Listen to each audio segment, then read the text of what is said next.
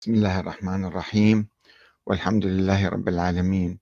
والصلاة والسلام على محمد وآله الطيبين. ثم السلام عليكم أيها الأخوة الكرام ورحمة الله وبركاته. من هو الإمام جعفر الصادق؟ هل كان محدثا ويعلم الغيب؟ هذه هي الحلقة الثالثة من سلسلة مواضيع عن الإمام جعفر الصادق. تحدثنا في الحلقتين السابقتين آه، تحت عنوان هل كان الإمام جعفر الصادق إماما معينا من قبل الله؟ وفي الحلقة الثانية هل كان حجة من الله؟ وهناك حلقات أخرى الحلقة الثالثة هذا اليوم بعنوان هل كان محدثا ويعلم الغيب؟ والحلقة الرابعة في اليوم غد إن شاء الله وفي الأيام التالية. هل كان الصادق مفوضا في التشريع له ولاية تشريعية؟ آه، الحلقة الخامسة هل كان حديثه صعبا مستصعبا والحلقة السادسة هل الولاء لأهل البيت ركن من أركان الإسلام؟ الحلقة السابعة والأخيرة هل كان الصادق يمارس التقية في الفتيا والجرح والتعديل؟ نطرح هذا الموضوع في الحقيقة من أجل آه، محاربة الغلو لأن الغلو في الأئمة وفي أي شيء يفرق المسلمين ويجعل من من يعتنق ذلك الغلو يعني آه، دينا مستقلا يبعده عن أن يكون مذهبا مذهبا مثل المذاهب الإسلامية الأخرى المقبولة والمعقولة في إطار الإسلام. أما عندما نغالي بالأئمة فإن ذلك يخرجنا عن دائرة الإسلام ويدخلنا في دائرة الشرك والعياذ بالله أو دائرة المفاهيم البعيدة عن الإسلام. وطبعا المذاهب الإسلامية المعتدلة هي التي تدور في إطار القرآن الكريم. فأي فكرة خارج إطار القرآن تعتبر غلوا. ولذلك نحاول أن نبحث اليوم أنه هل كان محدثا ملائكة تنزل عليه وكان يعلم الغيب كما يقول الغلاة الذين نحاول التبرؤ منهم إن شاء الله. فإذا هل كان الصادق محدثا ويعلم الغيب؟ في ظل افتقاد الإمامية كما تحدثنا في الأيام السابقة الإمامية فرق عديدة وليست فرقة واحدة. فيهم المعتدلون وفيهم المغالون. المعتدلون يعتقدون أن الأئمة هم آه، رواة أحاديث عن النبي فقط ليس أكثر من ذلك. المتطرفون والغلاة يعتقدون لا الأئمة مثل الأنبياء بمنزلة, بمنزلة الأنبياء وبعضهم يعتقد أنهم فوق الأنبياء فهذا نوع من الغلو اللي يخرجنا عن الدين بالحقيقة. هي سلسلة مقولات يعني أفكار فرضية أو نظرية. آه، نظرية تجر نظرية فرضية تؤدي إلى فرضية ووهم يؤدي إلى وهم. ونقع في عالم الخيال والمثال والغلو. آه، تحدثنا في الحلقتين السابقتين أنه هل كان إماما معينا من قبل الله؟ طبعا لا. هل كان حجة من الله؟ الله معين حجة؟ مو معلوم هالشيء هذا ما عندنا أي دليل عليه. فمجرد أقوال ادعاءات تنسب إلى الباقر والصادق أن نحن حجج الله. طيب شنو دليلكم؟ من أنتم؟ كيف أصبحتم حجج؟ آه يعني من أسماكم؟ من عينكم؟ من نصبكم؟ كل هذا ما موجود. باعتراف الشيعة الإمامية أنه ما موجود. عندنا أدلة على ذلك. في ظل افتقاد الإمامية للأدلة الشرعية الكافية على كون جعفر الصادق أو غيره من الأئمة هو الحجة المعين من قبل الله تعالى لجأ الإمامية إلى ادعاء علم الإمام بالغيب. أنه هذا صحيح ما عليه نص ولكنه كان يعلم الغيب. آه، وقدرته على الإتيان بالمعاجز. هم يعلم غيب هم يجيب معاجز. وادعى مثلا هشام بن الحكم هذا اللي هو منظر النظرية الإمامية بالحقيقة فيلسوف النظرية الإمامية نقدر نسميه كان معاصر للإمام الصادق اسمه هشام بن الحكم. ادعى هذا الشخص أنه أجرى مناظرة حول الإمامة مع رجل شامي منه هذا الرجل؟ ما يقول لنا بدون, بدون اسم يعني. في حضرة الإمام الصادق في حضوره يعني جرى حوار بينه وبين رجل شامي. على حرف جبل في في طرف الحرم. وأن الرجل الشامي سأله عن الحجة بعد القرآن والسنة فقال له هشام هذا الجالس هذا الحجة. يعني أبا عبد الله الذي تشد إليه الرحال ويخبرنا بأخبار السماء وراثة عن أب عن جد. فقال الشامي وكيف لي بعلم ذلك؟ أنت قاعد تدعي ادعاء. شلون أعرف الشيء هذا؟ قال هشام سله عما بدأ لك؟ اسأله هو يجاوبك. فقال له أبو عبد الله هاي الرواية الموضوعة المزورة المكذوبة على الإمام الصادق. فقال له أبو عبد الله أنا أكفيك المسألة يا شامي. أخبرك عن مسيرك وعن سفرك. خرجت يوم كذا وكان طريقك كذا ومررت على كذا ومر بك كذا. يعني الإمام الصادق يعلم علم الغيب هذا دليل آه، إمامته. طبعا هذا أسطورة واحد مؤلفها ينسبها للإمام الصادق. شلون نصدقها إحنا؟ فأقبل الشامي كلما وصف له شيئا من أمره يقول صدقت والله. فإذا ثبتت إمامة الإمام الصادق لأنه كان يعلم علم الغيب. كان مرافق هذا الرجال من الشام إلى مكة. هاي الرواية موجودة في الكليني كتاب الكافي كتاب الحجة باب الاضطرار إلى الحجة حديث رقم أربعة. والمفيد أيضا يجي ينقلها بعدين في كتاب الإرشاد صفحة 278 و 289 ينقل هذه القصة حتى يثبت أن الإمام الصادق كان إمام معين من قبل الله.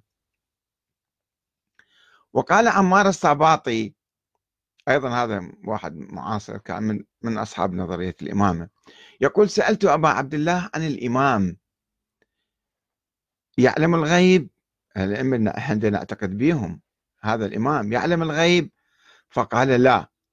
ولكن ولكن إذا أراد أن يعلم الشيء أعلمه الله ذلك. شلون يعني؟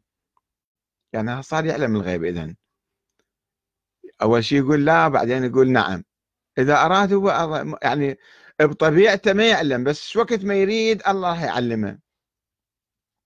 هذا غلو وأن الإمام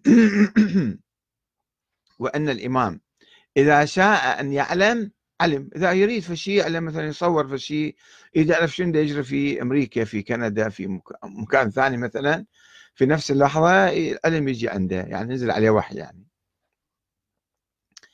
وعن سيف التمار كلهم ذولا أصحاب نظرية الإمامة. وعن سيف التمار قال كنا مع أبي عبد الله جماعة من الشيعة في الحجر قاعدين في الحجر حجر الكعبة يعني حجر إسماعيل. فقال علينا عين شوف الرواية شلون متناقضة. هنا الإمام بيشوف يقول أكو علينا جواسيس يسمعونه ولا لا؟ فقال علينا عين فالتفتنا يمنة ويسرة فلم نرى أحدا. فقلنا ليس علينا عين ماكو أحد. فقال ورب الكعبة ورب آه، كذا ثلاث مرات لو كنت بين موسى والخضر لأخبرتهما أني أعلم منهما. صار أعلم من نبي موسى.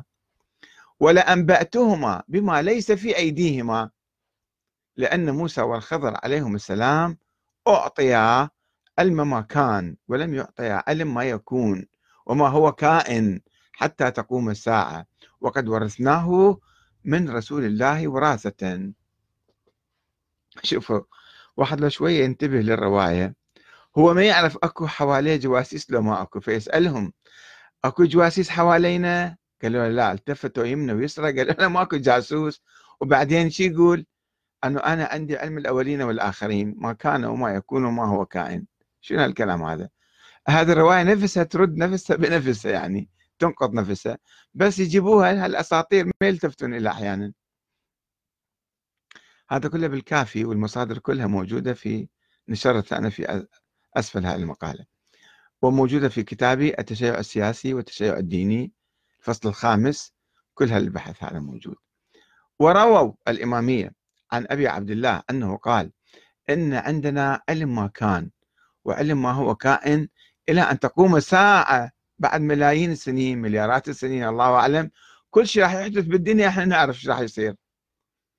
وما يحدث بالليل والنهار الأمر من بعد الأمر والشيء بعد الشيء إلى يوم القيامة. زين النبي محمد ما كان يعلم علم الغيب. شلون أنت صرت أعلم من النبي محمد؟ هذا الغلو يخرجنا عن الدين حقيقة ويفرق المسلمين. وفي رواية أخرى إني لأعلم ما في السماوات وما في الأرض. مو بس بالدنيا حتى بالسماوات. بالسماوات والأرض وأعلم ما في الجنة وأعلم ما في النار وأعلم ما كان وما يكون. قال الراوي ثم مكث هنيئة فرأى أن ذلك كبر على من سمعه منه. صار شيء صعب هذا ما حد ما يتحمل الكلام. فقال رجعها يعني بعدين. قال علمت ذلك من كتاب الله عز وجل. إن الله عز وجل يقول فيه تبيان كل شيء.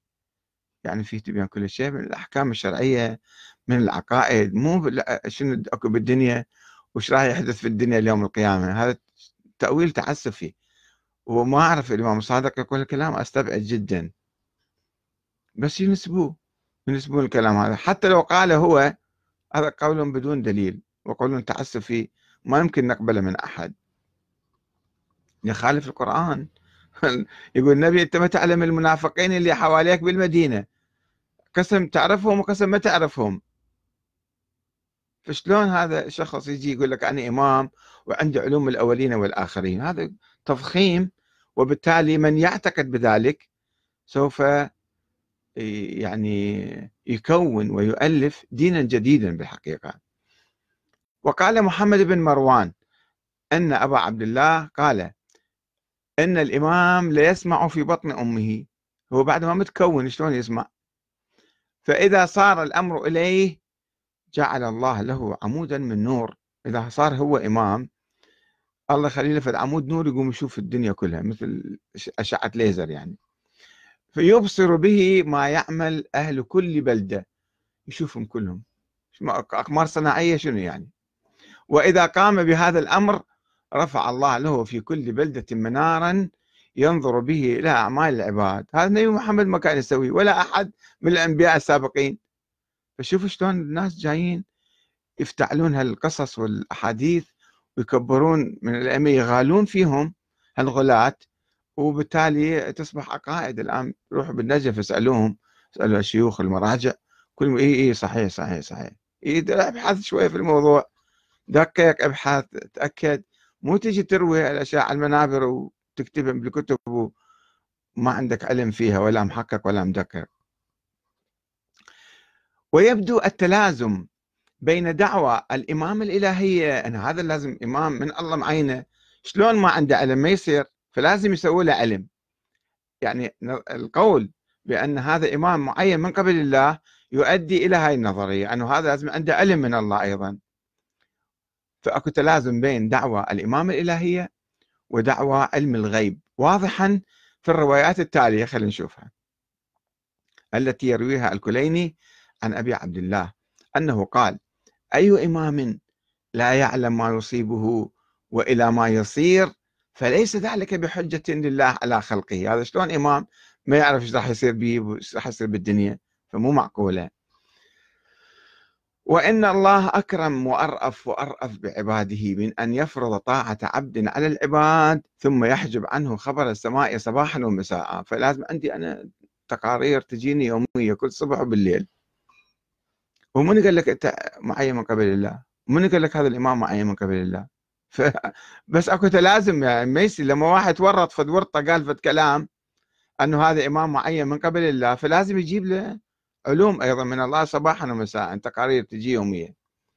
وأنه قال عجبت من قوم يتولون ويجعلون أئمة ويصفون أن طاعتنا مفترضة عليهم كطاعة رسول الله ثم يكسرون حجتهم ويخصمون أنفسهم بضعف قلوبهم فينقصون حقنا ويعيبون ذلك على من أعطاه الله برهان حق معرفتنا. والتسليم لأمرنا. أترون أن الله تبارك وتعالى افترض طاعة أوليائه على عباده ثم يخفي عنهم أخبار السماوات والأرض ويقطع عنهم مواد العلم فيما يرد عليهم مما مما فيه قوام دينهم. يصير معقولة. لازم الله يعطيهم علم. فشوفوا المقولة الأولى أنه الله معينهم فإذا لازم يعطيهم علم. ومن هنا شوفوا هالروايات صدقوا بها مشايخ الطائفة الإمامية الاثنى عشرية. ومن هنا قال الشيخ المفيد في كتاب الثقلان عنده كتاب اسمه بعد بحث موضوع اشتراط العصمة في الإمام قال الإمام لازم يصير معصوم عن الرئيس الحاكم السلطان لازم يصير معصوم. وإذا ثبت قال إذا ثبتت هذه الأصول وجب إبانة الإمام من رعيته بالنص عليه. شلون نعرف الإمام؟ أول شيء يسوي نظرية. لازم إمام معصوم. فإذا قلنا إيه نعم الإمام يجب أن يكون معصوم. أي رئيس يعني في العالم. فلازم نعرفه كيف نعرفه؟ بالنص عليه. إذا ما في نص العلم المعجز الخارق للعادات. عنده علم معجز وخارق للعادات ما حد ما يعرف مثله. إذ لا طريقة. إلى المعرفة بما تجتمع له هذه الصفات إلا بنص الصادق عن الله تعالى أو المعجز. لاحظوا كيف؟ انتبهوا إلى كلام الشيخ المفيد. يقول إحنا ما يمكن نعرف الإمام اللي بهالصفات هالصورة المثالية الخيالية اللي سويناها له إلا بنص بنص يعني من من بنص الصادق عن الله. النبي أو الإمام اللي قبله وإذا ما في أو المعجز. فصار دليل الإمامة الإعجاز وهذا شيء وهمي. خرافي أسطوري ما له حقيقة. لا عندهم معاجز ولا هم يحزنون. وقال السيد المرتضى في الشافي عند كتاب اسمه الشافي بعد بحث موضوع الأصمة نفس الشيء. يقول إذا ثبت ذلك وجبت إبانته بالنص أو المعجز. وقال الشيخ الطوسي في تلخيص الشافي إيجاب النص على الإمام أو ما يقوم مقامه إما أكو نص إيجاب النص على الإمام أو ما يقوم مقامه. إذا ما عندنا طبعا أكثر كل الأئمة ماكو عليهم نصوص. أو ما يقوم مقامه من المعجز الدال على إمامته. يعني شلون يصير إمام؟ لا عليه نص ولا عنده معاجز ولا يعلم علم الغيب. يصير إنسان عادي. وهو إنسان عادي في الحقيقة. ما عنده لا معجز ولا نص ولا علم غيب ولا هم يحزنون. بس هاي في الخيال يسوون النظريات هذه. ويضيف الشيخ الطوسي بعد ويقول ولا بد مع صحة هذه الجملة إذا إحنا يعني سلمنا بهالموضوع آه، من وجوب النص على الإمام بعينه. لازم أكو نص عليه. وإذا ما أكو نص شو نسوي يا الشيخ الطوسي؟ أو إظهار المعجز القائم مقامه عليه. لازم عنده في المعجزة حتى نقدر نعترف أنه هذا إمام. وقال العلامة الحلي في نهج الحق إن طريق تعيين الإمام أمران. النص من الله تعالى أو نبيه أو إمام ثبتت إمامته بالنص من قبل يعني هاي طريق النص يعني أو ظهور المعجزات على يده. طبعا روحوا ابحثوا التاريخ شوفوا تاريخ الأئمة. ماكو أي واحد عليه نص بالإمامة. فقط الإمام علي عليه نصوص خفية مو ومو جلية مو واضحة وصريحة بالإمامة. بفضل الإمام علي. أما بقية الأئمة ابدأوا من الحسن والحسين وزين العابدين ما عندهم أي نص بالإمامة. نص صريح وقوي وثابت ما في أي نص. فشي يسوون؟ لازم يبتدعون في شيء دليل جديد حتى يكونوا هالنظرية. ويركبوها على هؤلاء الأشخاص اللي يسموهم أئمة. فيقولون المعجز عنده معاجز وعنده علم غيب وعنده كذا و... نجي على المحدث. النصوص كلها ترى المصادر كلها موجودة من كتاب الكافي وغيره. هل كان الصادق محدثا؟ يعني ملائكة تنزل عليه تحدثه ينزل عليه وحي يعني. وكما ابتلي الإمام محمد الباقر بالغلاة الذين نسبوا إليه القول بنزول الملائكة وتحدثهم معه. روايات عديدة يرويها الكافي أيضا. ابتلي ابنه الإمام الصادق بذلك أيضا حيث نقل الغلاة عنه أنه قال مبلغ علمنا على ثلاثة وجوه ماض وغابر وحادث فأما الماضي فمفسر وأما الغابر فمزبور وأما الحادث فقذف في القلوب قذف في القلوب يجي ونقر في الأسماء. هو هذا الوحي الوحي الأنبياء شنو كان؟ لو بالحلم لو في شيء إلهام يجي. وهو أفضل علمنا. هذا صار مثل النبي يعني بس يضيف ولا نبي بعد نبينا. ما أنت صرت نبي إذا الكلام هذا صحيح. عن الإمام الصادق هذا صار نبي يعني شنو الفرق عن النبي؟ ينزل عليه وحي يعني. وأنه أجاب الحارث بن المغيرة عندما سأله قائلا أخبرني عن علم عالمكم. أنتم شلون علمكم من وين يجي؟ تروحون مدرسة تتعلمون ولا من وين؟ قال وراثة من رسول الله صلى الله عليه وسلم ومن علي.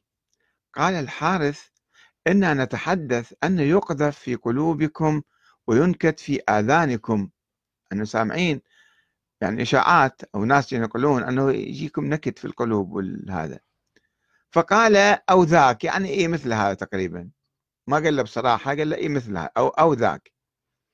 وزعم أبو حمزة أنه سأل الصادق عن العلم. أهو علم يتعلمه العالم من أفواه الرجال أم في الكتاب عندكم تقرؤونه في كتب عندكم يعني فتعلمون منه؟ فقال طبعا هذه الروايات أكو عندنا الإمام الصادق يقول ما عندي شيء إلا روايات عن آبائي وأجدادي. هنا هذول الغلاة يفتعلون روايات كاذبة وينسبوها للإمام الصادق. يقول له الأمر أعظم من ذلك وأوجب. أما سمعت قول الله عز وجل وكذلك أوحينا إليك روحا من أمرنا. ما كنت تدري ما الكتاب ولا الإيمان؟ طب هذه الله خاطب النبي. أنت شلون طبقت نفسك ويا النبي مثلا؟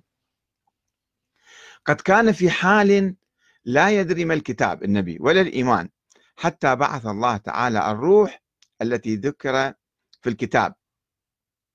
فلما أوحاها إليه علم بها العلم والفهم وهي الروح التي يعطيها الله تعالى من شاء مو بس النبي الله يعطيها أي واحد كان وأنا واحد من عندهم يعني. فإذا أعطاها عبدا علمه الفهم صار يفتهم كل شيء يعني. ادعاءات فارغة بلا أي دليل طبعا. وروى سماعة عن أبي عبد الله أنه قال إن الله إن لله تبارك وتعالى علمين. علما أظهر عليه ملائكته وأنبياءه ورسله فما أظهر عليه ملائكته ورسله وأنبياءه. فقد علمنا كل علوم الأنبياء كلها جت عندنا. وعلما استأثر به هذا علم إضافي حتى الأنبياء ما منطي الله. وعلما استأثر به فإذا بدا لله في شيء منه أعلمنا ذلك. وعرض على الأئمة الذين ك... وعرض على الأئمة الذين كانوا من قبلنا. علم جديد يجيهم مو بس علوم اللي كانت على الأنبياء والملائكة السابقين علم خاص هذا من الله. هذا صار شيء أعظم الأنبياء كلهم يعني. وروى, أبو بصير أيضا عنه أنه قال إن لله عز وجل علمين علما عنده لم يطلع عليه أحدا لم يطلع عليه أحدا من خلقه وعلما نبذه إلى ملائكته ورسله فما نبذه إلى ملائكته ورسله فقد انتهى إلينا. هذا شوية قلل الموضوع. قال علوم الأنبياء والمرسلين إجا إجا إن. أما علم الخاص بالله هذا عند الله باقي. وزعم أبو بصير أن الصادق أكد له مرافقة الروح للأئمة. الأئمة روح القدس شلون يجي وياهم؟ ويا النبي عيسى الأئمة عندهم فد شيء اسمه الروح وياهم. وهو خلق من خلق منه هذا الروح؟ شنو هذا الروح؟ وهو خلق من خلق الله عز وجل أعظم من جبرائيل وميكائيل. كان مع رسول الله صلى الله عليه وسلم يخبره ويسدده وهو مع الأئمة من بعده. شنو هذا؟ هذا خيال خيالات حقيقة عجيبة غريبة. شنو أعظم من ميكائيل وجبرائيل ومع النبي ومعاك أنت؟ شلون هذا؟ شنو دليلك يعني؟ واحد يقعد يتخيل يسوي روايات روايات يعني خيالية يكتبها الشكل دول الروايات كلها هذا شغلهم. ونقل آخرون عن الصادق أنه قال منذ أنزل الله عز وجل ذلك الروح على محمد ما صعد إلى السماء وأنه لفينا هاي الروح داخلة فينا. فإذا هو صار عنده علم الأولين والآخرين. وقال في تفسير قوله تعالى يسألونك عن الروح قل الروح من أمر ربي هسه الله ما جاوب. يسألونك عن الروح قل الروح من أمر ربي خلاها مسألة غامضة لا تحكي عنها بتفصيل. بس هنا يجي الحديث عن الإمام الصادق ينسبون طبعا إليه. أنه يجي يفسر الإمام خلق أعظم من جبرائيل وميكائيل ولم يكن مع أحد ممن مضى. غير محمد هذا حتى مع عيسى ما كان موجود. بس محمد وهو مع الأئمة يسددهم وليس كل ما طلب وجد أو وجد.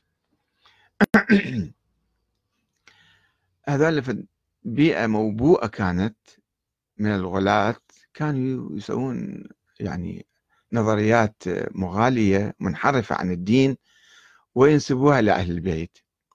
افترى بعض الغلاة على الإمام الصادق فنسبوا إليه القول بتحريف القرآن من أجل إثبات دعوى تحدث الملائكة معه وأنه قرأ الآية التالية هكذا وما أرسلنا من قبلك من رسول ولا نبي ولا محدث أضاف عليها. وعرف المحدث شنو هذا المحدث؟ من هو؟ بأنه الذي يسمع الصوت ولا يرى الشخص. يسمع الملائكة يعني بس ما يشوف الملائكة. ويعطى السكينة السكينة والوقار حتى يعلم أنه كلام ملك. زين شلون عرفت هذا ملك مو شيطان يتكلم براسك؟ يقول هذا يعطى سكينة ووقار وكذا وبعدين يعرف أنه هذا ملك يعني.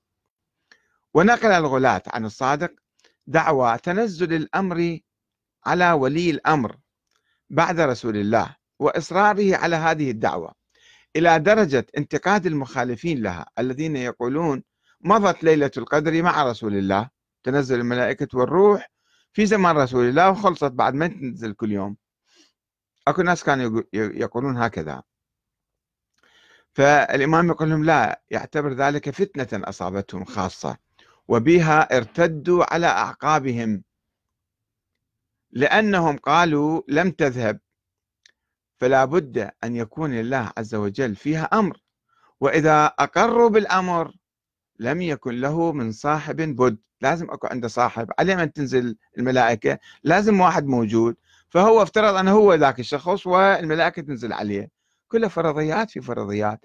دين هذا الدين الوهمي قائم على مجموعة أساطير وخرافات وفرضيات وهمية. وإنه استدل الإمام الصادق بعد بنزول الملائكة في ليلة القدر على وجود صاحب لها على مدى الزمان. قال ما يصير؟ ما دام الملائكة تنزل في كل ليلة قدر فلازم أكو واحد موجود إمام تنزل عليه. منين جبت الكلام هذا؟ ماتين لا تسألون بعد. وعدم اختصاصها برسول الله. هذا طبعا كل الروايات بالكافي. وروى الكليني من أحاديث الغلاة عن الصادق أنه قال إن الملائكة تصافح الأئمة على فرشهم. هسه قبل شوي رواية يقول لا ما يشوفهم ولا بس يسمع كلامهم هسه لا يجون مو بس يشوفهم يصافحون بإيدي يعني. آه، أنه قال أن الملائكة تصافح الأئمة على فرشهم وأنهم ألطف بصبياننا من منا بهم حتى يلعبون الصبيان مال الأئمة. وأنه ضرب بيده إلى مساورة في البيت مخدات. آه، وقال مساورة طالما اتكئت عليها الملائكة خطية تعبانين كانوا ذول الملائكة إجوا اتكوا على هالمخدة قعدوا هنا. و وربما التقطنا من زغبها. عندهم ريش؟ وإحنا نلتقط الريش مال الملائكة. شو طيور هم الملائكه حتى تلتقط الريش مالهم. وروى بعض الغلاة تفاصيل عن دعواهم تحدث الملائكة مع الأئمة. قاموا يشرحون أكثر بعد يجيبون. وحاولوا أن يجيبوا على تساؤلات بعض الشيعة الرافضين لها.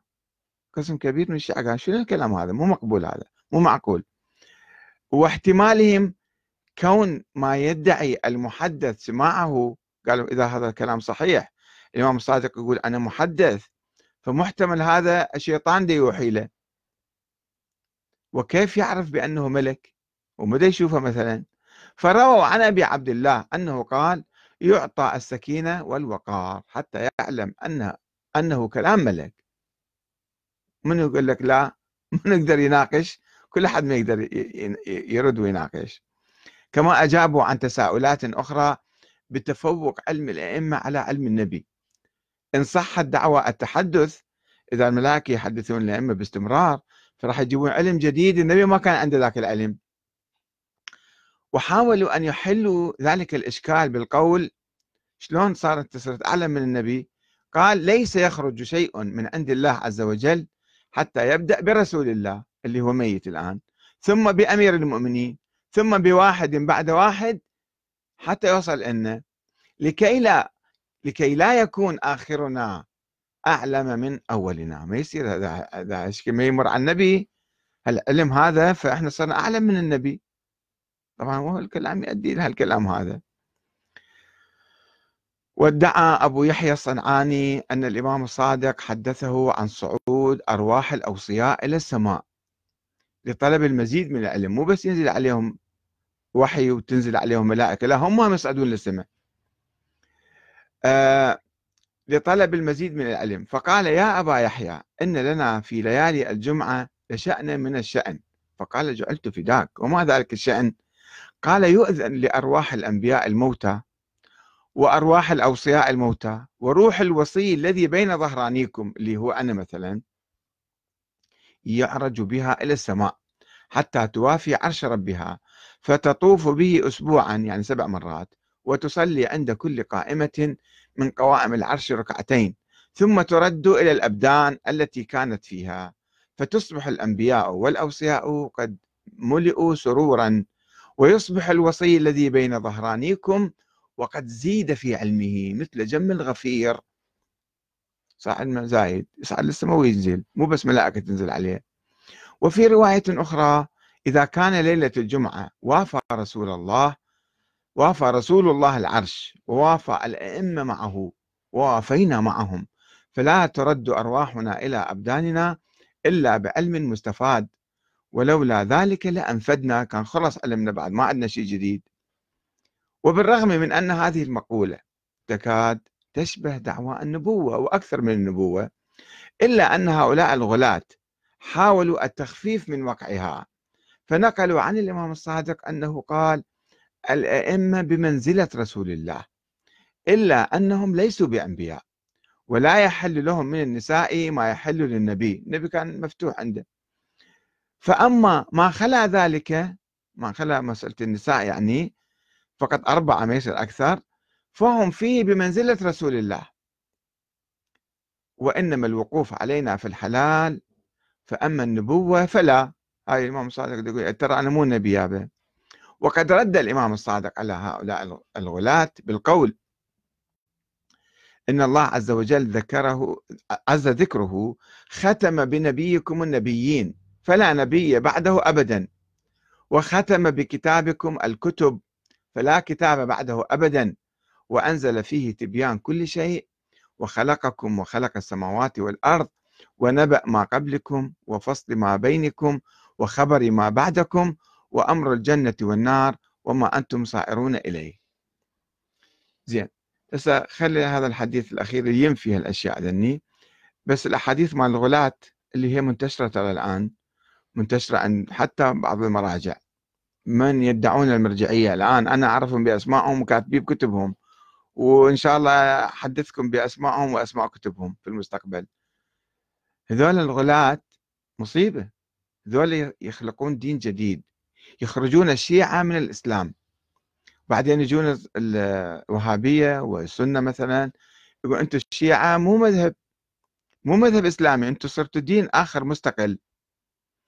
طبعا عامة الشيعة ما يعرفون الروايات ولا يؤمنون بها ورب ممكن يمكن ولا سامعين بها بس هذه الروايات الشيخ عبد الحليم الغزي يمكن يأيدها وينشرها لأنه ما يحقق ولا يبحث ويصدق بسرعة. هالروايات كلها مروية عن الباقر والصادق. يعني ما أدري شلون واحد لو لو افترضنا الباقر والصادق قال هالكلام وهذا بعيد جدا أستبعد تماما. لو افترضنا الباقر والصادق كلها روايات صحيحة منسوبة إليه يعني. إحنا نقول له أنت تجيب دين جديد هذا مو مذهب ما صار مذهب هذا جعفري.